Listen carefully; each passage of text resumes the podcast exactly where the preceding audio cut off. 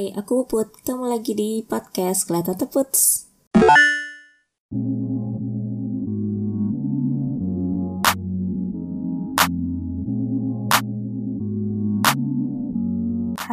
Ketemu lagi di podcast Kuliah Tante Puts. Hari ini aku akan membahas sebuah teater perempuan di Jepang yang namanya Takarazuka. Jadi waktu kuliah aku pernah mendapatkan tugas untuk menjelaskan apa saja teater yang ada di Jepang. Jadi satu kelas kita dibagi tugas untuk menjelaskan teater itu ada apa aja di Jepang kan ada kabuki, ada no, ada kyogeng, dan macam-macam. Aku kebagian teater modern sama kelompokku. Teater modern ini ada teater yang biasa kita tonton, sama satu lagi ada namanya Takarazuka. Yang menarik adalah Takarazuka ini dimainkan oleh perempuan yang belum nikah. Jadi ini kayak teater musikal mirip-mirip Broadway gitu. Terus peran laki-laki pun diperankan oleh perempuan. Padahal kalau di Kabuki dan lain-lain itu semua peran dimainkan oleh laki-laki. Tapi Takarazuka ini kebalikannya. Itu menarik banget. Jadi kayak apa ya? Si cewek-ceweknya itu cool banget gitu. Bajunya juga kan, soalnya kan gaya-gayanya agak Broadway gitu. Terus yang kedua menariknya adalah namanya sih Takarazuka gitu. Menurutku lucu aja. Kalau di, disebutkan tuh aja Takarazuka. Nah si Takarazuka ini karena tadi mirip-mirip Broadway, jadi pertunjukannya itu berupa perpaduan sandiwara dengan tarian dan nyanyian. Dan biasanya cerita-cerita yang dibawakan ini juga adaptasi dari novel, drama musikal, terus film-film dari barat juga. Kostumnya tuh juga bagus-bagus, set panggungnya tuh kece banget, mewah. Dan mereka tuh ada di beberapa tempat juga. Musiknya tuh juga diiringi orkestra. Kayak kece banget dan aku juga pernah nonton akhirnya punya kesempatan buat nonton Takarazuka tahun lalu.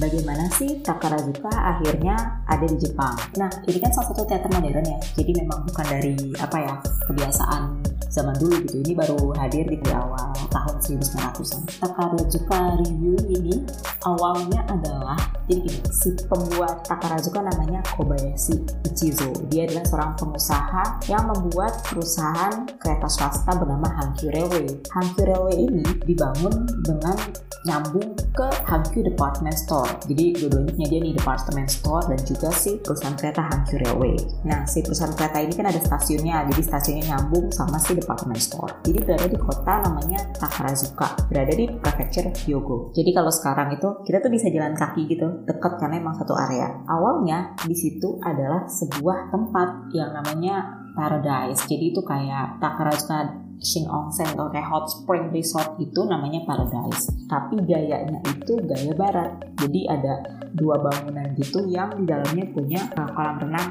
uh, indoor. Tapi dua tahun kemudian, jadi si Paradise ini dibangunnya tahun 1911. Dua tahun kemudian, Paradise ini disuruh ditutup. Jadi cuma dua kali mengalami musim panas lah. Itu ditutup dan akhirnya mereka nggak punya tempat entertainment kan di gedung itu gitu. Karena indoor pool ini nggak punya fasilitas hot spring pemandian air panas. Sedangkan di Jepang kebiasaannya itu adalah pemandian air panas. Dan dia nggak punya. Jadi ditutup juga kemudian akhirnya dia berpikir si Kobayashi gimana ya memakai si tempat ini buat apa? Gitu. Akhirnya dia menyediakan entertainment lain berupa Takarazuka ini. Akhirnya bangunan itu yang bagian indoor pool itu dibikin menjadi tempat buat performnya Takarazuka dan performnya itu pertama di uh, tanggal 1 April 1914. Waktu itu pertunjukannya dilakukan oleh perempuan muda yang usianya dari 12 sampai 17 tahun. Kobayashi Sang ini memiliki tujuan juga dan moto. Jadi dia pengen teater yang menarik ini dan untuk perempuan itu memiliki kayak identitas yang kuat gitu. Jadi dia pengennya tuh perempuan juga memiliki jati diri, identitas yang kuat, sopan, adil. Terus dia pengen juga teater populer ini bisa dinikmati sama semua orang juga. Gitu. Sebenarnya pendidikan jadi pemain Takarazuka itu juga sungguh-sungguh berat gitu sama seperti apa ya? Kalau kemarin denger episode sebelumnya tentang sumo, kurang lebih pelatihannya itu juga seperti itu. Gitu. Kobayashi Sang pengen perempuan di Jepang itu memiliki manner yang baik, etiket, tata krama, dan itu emang akhirnya kebentuk selama belajar menjadi pemain Takarazuka. Setiap tahun sebenarnya pemain Takarazuka ini tuh kayak di apa ya buka pendaftaran gitu. Pendaftar tuh banyak banget karena perempuan-perempuan Jepang merasa menjadi pemain takarazuka selain memang bisa populer dan lain-lain tapi mereka juga bisa dididik menjadi perempuan yang memiliki uh, manner yang baik attitude-nya baik. Setiap tahun tuh dibuka pendaftarannya dan yang keterima tuh paling setiap tahun tuh cuma 50-an orang. Dan dia nanti masuk ke asrama gitu. Di asrama tuh peraturannya juga banyak. Jadi ada yang kayak kalau jalan kalau pergi si junior nggak boleh jalan di depannya senior. Jadi kayak cukup cukup strict juga gitu. Senioritasnya tetap kelihatan gitu. Mereka tetap pengen bergabung di kelompok ini.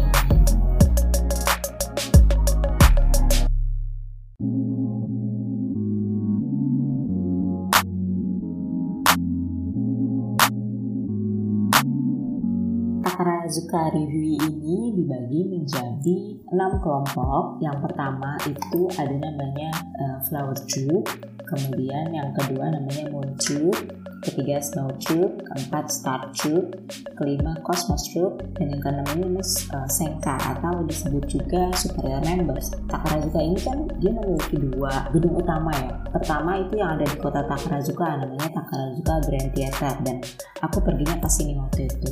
Terus yang kedua itu ada di Tokyo. Uh, namanya adalah Tokyo Takarazuka Theater. Jadi itu kira-kira 5 menit jalan kaki dari Urakucho Station.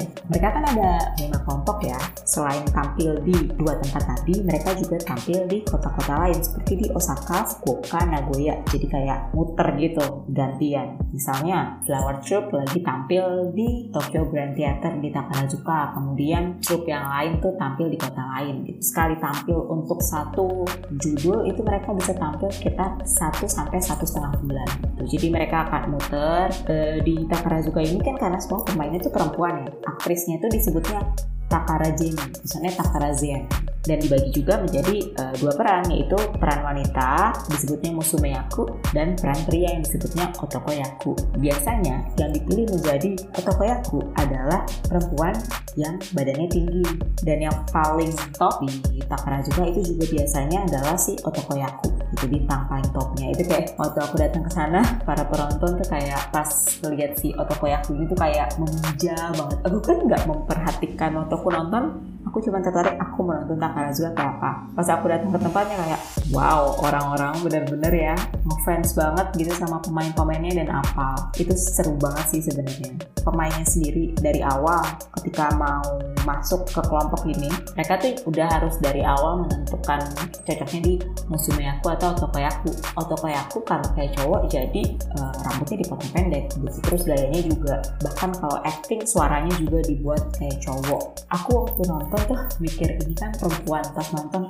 ganteng banget ganteng banget pemerannya gitu. Padahal perempuan dan mereka tuh kan nyanyi. Kalau nyanyi memang yang bagus tuh yang perempuan karena kan mereka nggak harus ngubah suara. Sedangkan peran si otokoyaku kalau harus nyanyi kan harus di ngebas ngebasin jadi agak agak lebih jelek lah daripada si peran perempuan. Karena peran si otokoyaku ini kayak kerjaannya harus lebih keras kan dibandingkan perempuan. Itu sebenarnya menarik banget kalau buat di telah juga tentang si dua peran ini gitu. dan mereka tuh kayak harus melengkapi.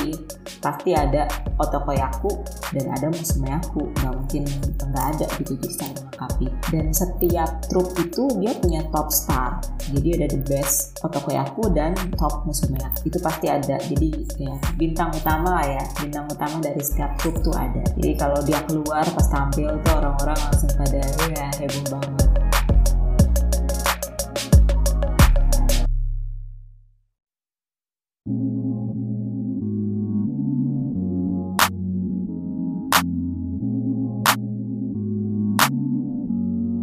kayak tadi aku cerita, jadi ketika orang-orang mau terjun di dunia Takarazuka ini, mereka harus masuk, harus daftar dulu dan harus masuk sekolahnya. Sekolahnya ini dijalani selama 2 tahun. Tahun-tahun pertama itu biasanya mereka harus belajar musik, tari, piano, samiseng. Samiseng tuh kayak gitar, kayak ukulele gitu tapi senarnya tiga. Kemudian belajar balet, dansa modern, tari tradisional, bahkan upacara minum teh. Nah ketika dia udah naik ke tingkat dua, mereka udah harus milih nih peran pria dan peran wanita mungkin dari awal waktu mau masuk mereka apa ya udah merasa juga kan uh, udah feeling feeling mau ngambil apa mau ngambil peran laki-laki atau peran perempuan gitu pasti udah kebayang. Karena kan mau nggak mau sebenarnya itu kayak karakter juga ya harus berasa. Mungkin yang tomboy tomboy kayaknya aku cocoknya jadi peran laki-laki deh gitu yang kayak kayak gitu. Ya sejak lahir kita kan udah kebawa ya. Nah, karakter attitude gitu gayanya kayak apa mungkin itu juga bisa menentukan. Di tahun kedua dia baru bisa penjurusan nih. Memilih aku atau musuh aku Nah, sekarang aku mau cerita nih tentang pengalaman aku ke Takarazuka. Jadi waktu itu aku ke Takarazuka itu, aku waktu itu tahun lalu tuh pergi kan uh, super random ya, pergi ke tempat-tempat yang jauh. Jadi aku dari Totori, itu jauh banget, dari Totori ke Takarazuka ke daerah Hyoko. Jadi bawaannya tuh banyak dan aku nonton sendirian. Waktu aku beli tiket, aku belinya kan online ya. Jadi tuh dia dibukanya dari kayak beberapa bulan sebelumnya. Aku beli online, harga paling murah itu harga 35 3.500 yen. Aku pas beli kayak dirupiahin waktu itu 600 ribu. Oh ya ampun mahal gitu. Ya di Indonesia aku sering nonton teater juga sih. Tapi kalau yang mahal biasanya aku gratisan dari kantor kan. Kalau yang murah bisa aku bayar sendiri gitu. Nah ini 600 ribu, cuman aku pikir kapan lagi aku nonton. Udahlah aku beli terus aku datang ke sana mereka kan percakapannya juga pakai bahasa Jepang ya sebenarnya. Yaudah aku datang so aja gitu soal-soal aja ngerti. Ya mereka tahu sih aku orang asing juga kan. Itu tuh masuk tuh auranya pakai aura sekolahan. Dan di dekat situ tuh ada satu museum namanya museum Osamu Tezuka. Dia tuh seorang komikus. Kalau yang tahu komik-komiknya Osamu Tezuka tuh terkenal banget. Di situ tuh ada museumnya juga. Nah Osamu Tezuka ini setahu aku tuh juga membuat karya-karya komik yang menampilkan perempuan sebagai tokoh utama. Karena pas aku baca dia tuh cukup terpengaruh cukup banyak terpengaruh sama Takarazuka karena dia lahir di, di daerah situ kan. Kembali lagi Takarazuka udah masuk masuklah ke kayak lobby. Ya ampun itu gede banget. Itu kayak apa ya? Ballroom hotel gitu gede banget ballroomnya. Terus kayak karpetnya tuh merah gitu bener-bener kayak pesta tempat pesta gitu. Terus aku lihat yang nonton kelihatan banget orang kaya banyak banget. Tapi aku lihat ada juga anak sekolahan jadi bener-bener anak sekolah SMA gitu ya. Segala usia sih karena mereka kan musiman ya jadi ngejar gitu. Uh, ada yang favorit sama si otakoi aku yang mana ya dia kejar terus aku ngikutin aja kan flow dikasih tahu harus lewat sini lewat sini gitu-gitu. Karena aku yang paling murah jadi aku berada di daerah-daerah atas. Tapi menurutku aku cukup uh, strategis sih tempatnya karena teaternya tuh enak banget. Kok masa teaternya tuh teater tuh gede banget. Teater yang di uh, tuh gede banget. Ribuan pastinya. Pelayanannya juga bagus ya. Jadi kayak nanya ini tuh di mana gitu tempat turunnya dapat dan emang gak boleh foto. Di ya di Jepang semua pertunjukan tuh gak boleh difoto gitu. Kita tuh nonton pertunjukan yang buat nonton bukan buat foto. Jadi aku diem diem belum mulai. Cuman pengen foto apa auranya kayak gimana. Aku foto tuh panggungnya gitu. Aku punya foto panggungnya sejam pertama sungguh aku tidak mengerti. Karena kalau nggak salah tuh judulnya I am your Austria kayak nggak salah. Aku nggak ngerti satu jam pertama karena bahasa Jepang. Jadi kayak apa sih belum tune in gitu. Terus aku juga bingung kan ini kok kayak gini sih? Ini perempuan apa laki-laki sih? Terus ini suaranya tuh mereka asli apa di dubbing sih kok hal-hal yang kayak gitu aku perhatiin gitu. Yang paling lucu adalah aku perhatiin stage-nya. Stage-nya tuh keren banget. Ini aku bener-bener norak sih. Jadi stage-nya itu kayaknya muter. Dia tuh kayak ini stage kan? Terus ada kayak panggung yang sebenarnya dia bisa tenggelam ke dalam panggungnya. Muncul tiba-tiba sejajar bentuknya. Habis itu uh, background yang di belakang diputar berubah jadi background yang di depan keliat aku aku pemikir sampai ngeliatin langkah kaki si pemerannya loh kayak ini tuh stage-nya bentuknya gimana sih? Kok mereka bisa begitu? Tuh aku kayak sendiri satu setengah jam kayak gitu. Lama-lama aku ngerti sih akhirnya ceritanya. Dan lama-lama aku ngerti kayak oh panggungnya naik turun tuh. Latar misalkan latar A di depan rumah latar latar kedua tuh di dalam cafe itu tinggal diputar aja panggungnya itu itu keren banget aku sih. Aku bener-bener kayak wow. Terus aku ngeliatin ini yang di depan harganya berapa? Yang di belakang aja kayak harganya 3500 yang di depan harganya berapa dan yang nonton? Bajunya bagus-bagus. Yang pagi yang bagian depan ya itu bagus-bagus banget. Itu di bagian dalamnya di bagian luarnya tuh ada toko merchandise sih pemeran-pemerannya gitu. Jadi aku beli pulpen pulpen murah sih karena aku kayak beli pen buat kenang-kenangan aja gitu. Kenang-kenangan abis dari Takarazuka terus beli kayak clear file gambarnya Hello Kitty Takarazuka gitu. Pokoknya beli nggak penting gitu lah gitu kan kok merchandise gitu, gitu mahal ya jadi aku beli yang paling-paling murah aja tapi itu kayak orang-orang beli foto. Ini sama ya aku perhatiin. Kalau kalian pernah denger AKB48 gimana pendidikannya gitu? Cara mereka belajar di kelompok itu kurang lebih mirip kayak semua juga kan. Jadi kayak dididik dulu dari masuk tuh dididik dulu terus akhirnya mereka menjadi bintang terus merchandise dijual foto lah handuk lah apalah semua tuh dijual. Terus aku kan pas sebelum nonton ini ini siapa sih mukanya di mana mana gitu. Pas aku udah masuk wow bintang utamanya dia tuh. Si Otokoyaku itu. Emang keren banget sih Otokoyaku ini benar-benar kayak shining gitu loh.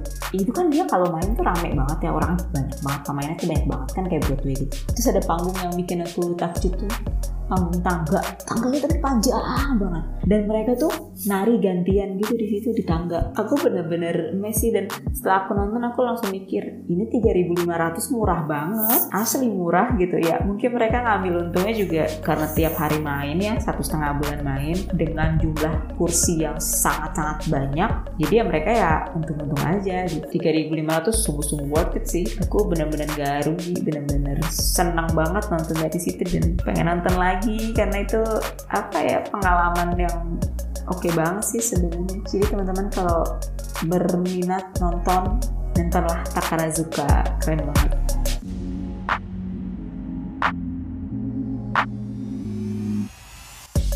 Itu dia tadi obrolan dari podcast Kelihatan Teput. Semoga kamu suka dengan cerita di episode kali ini. Kalau kamu mau nungguin cerita-cerita lainnya dari Tante Puts, silahkan subscribe di platform kesayangan kamu. Dan kamu juga bisa follow Instagram at kuliah.tanteputs untuk tahu update tentang podcast ini. Terima kasih sudah mendengarkan podcast Kelihatan Teput. Sampai ketemu lagi di episode selanjutnya. See you!